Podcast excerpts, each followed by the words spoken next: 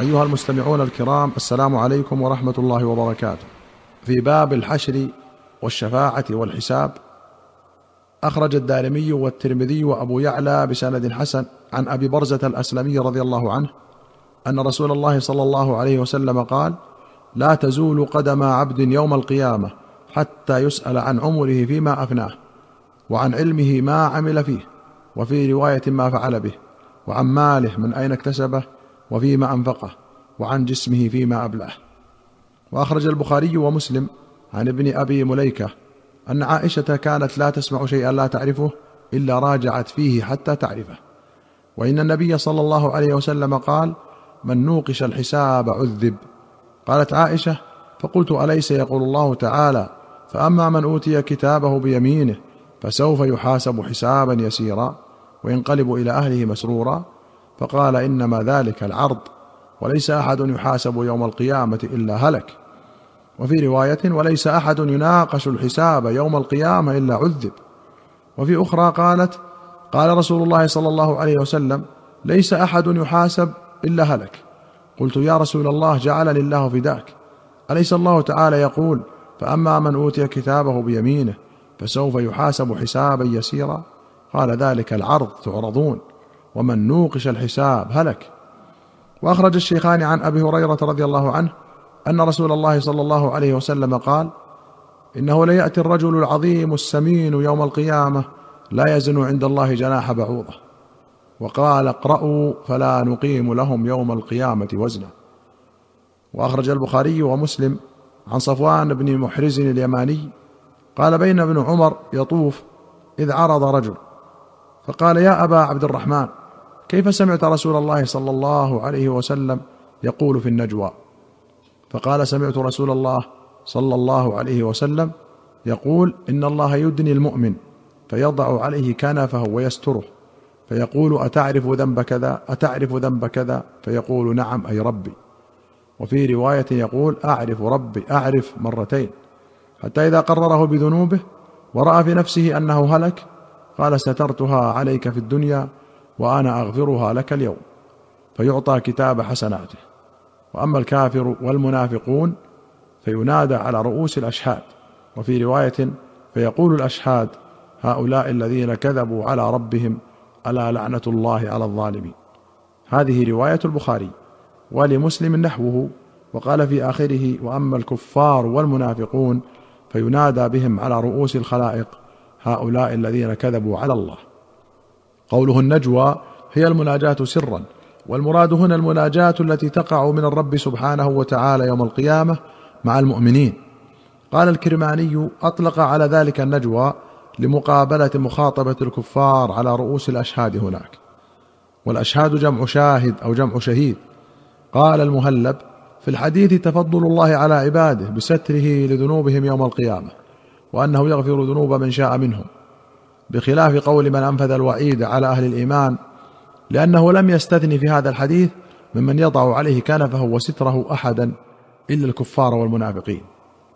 وأخرج مسلم عن أبي هريرة رضي الله عنه أن النبي صلى الله عليه وسلم قال لا يستر الله على عبد في الدنيا إلا ستره الله يوم القيامة.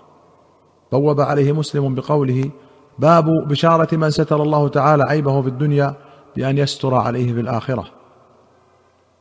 وقال النووي قال القاضي يحتمل وجهين أحدهما أن يستر معاصيه وعيوبه عن إذاعتها في أهل الموقف والثاني ترك محاسبته عليها وترك ذكرها. قال والأول أظهر لما جاء في الحديث الآخر يقرره بذنوبه يقول سترتها عليك في الدنيا وأنا أغفرها لك اليوم. وأخرج مسلم عن أبي هريرة قال قالوا يا رسول الله هل نرى ربنا يوم القيامة؟ فقال هل تضارون في رؤية الشمس في الظهيرة ليست في سحابة؟ قالوا لا. قال فهل تضارون في رؤية القمر ليلة البدر ليس في سحابة؟ قالوا لا. قال فوالذي نفسي بيده. لا تضارون في رؤية ربكم إلا كما تضارون في رؤية أحدهما. فيلقى العبد فيقول أي فلو ألم أكرمك وأسودك وأزوجك وأسخر لك الخيل والإبل وأذرك ترأس وتربع؟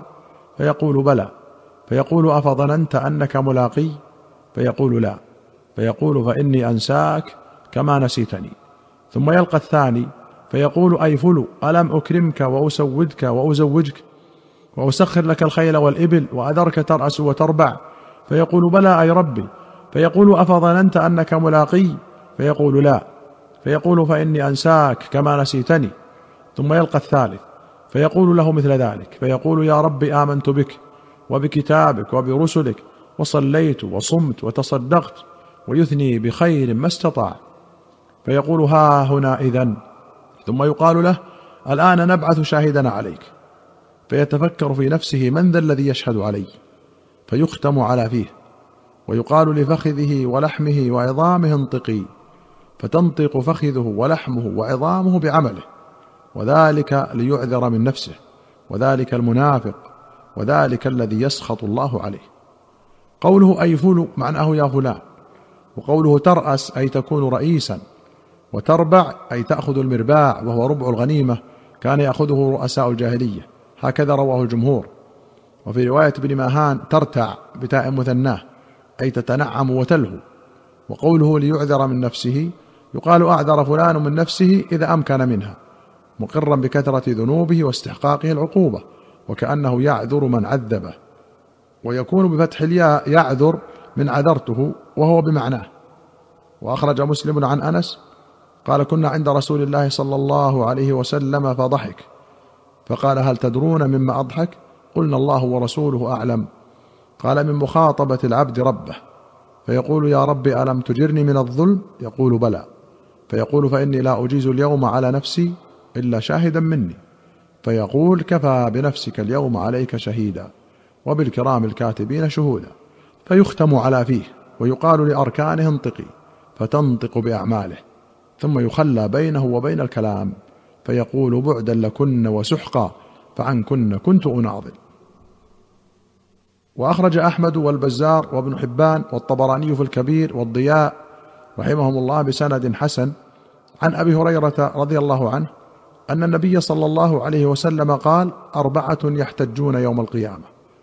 وفي رواية أربعة يوم القيامة يدلون بحجة. رجل أصم لا يسمع شيئا. ورجل أحمق. ورجل هرم. ورجل مات في فترة. فأما الأصم فيقول رب لقد جاء الإسلام وما أسمع شيئا. وأما الأحمق فيقول رب لقد جاء الإسلام والصبيان يحذفونني بالبعر.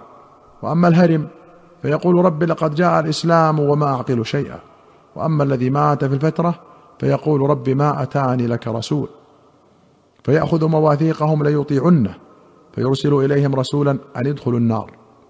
فمن دخلها كانت عليه بردا وسلاما ومن لم يدخلها يسحب إليها. وفي رواية فوالذي نفسي بيده لو دخلوها لكانت عليهم بردا وسلاما. البعر بفتح العين وسكونها رجيع الإبل والشاء والظباء واحدته بعرة كتمر وتمرة. وأخرج البخاري عن أبي سعيد أن النبي صلى الله عليه وسلم قال يخلص المؤمنون من النار فيحبسون على قنطرة بين الجنة والنار فيقتص لبعضهم من بعض مظالم كانت بينهم في الدنيا حتى إذا هذبوا ونقوا أذن لهم في دخول الجنة. فوالذي نفس محمد بيده. لاحدهم أهدى بمنزله في الجنة منه بمنزله كان في الدنيا. القنطرة هي الجسر. قال ابن حجر قال الطيبي أهدى لا يتعدى بالباء بل باللام أو إلى. فكأنه ضمن معنى اللصوق بمنزله هاديا إليه ونحوه قوله تعالى يهديهم ربهم بإيمانهم. فالمعنى يهديهم ربهم بإيمانهم إلى طريق الجنة. أيها المستمعون الكرام إلى هنا نأتي إلى نهاية هذه الحلقة. حتى نلقاكم في حلقة قادمة إن شاء الله. نستودعكم الله. والسلام عليكم ورحمة الله وبركاته.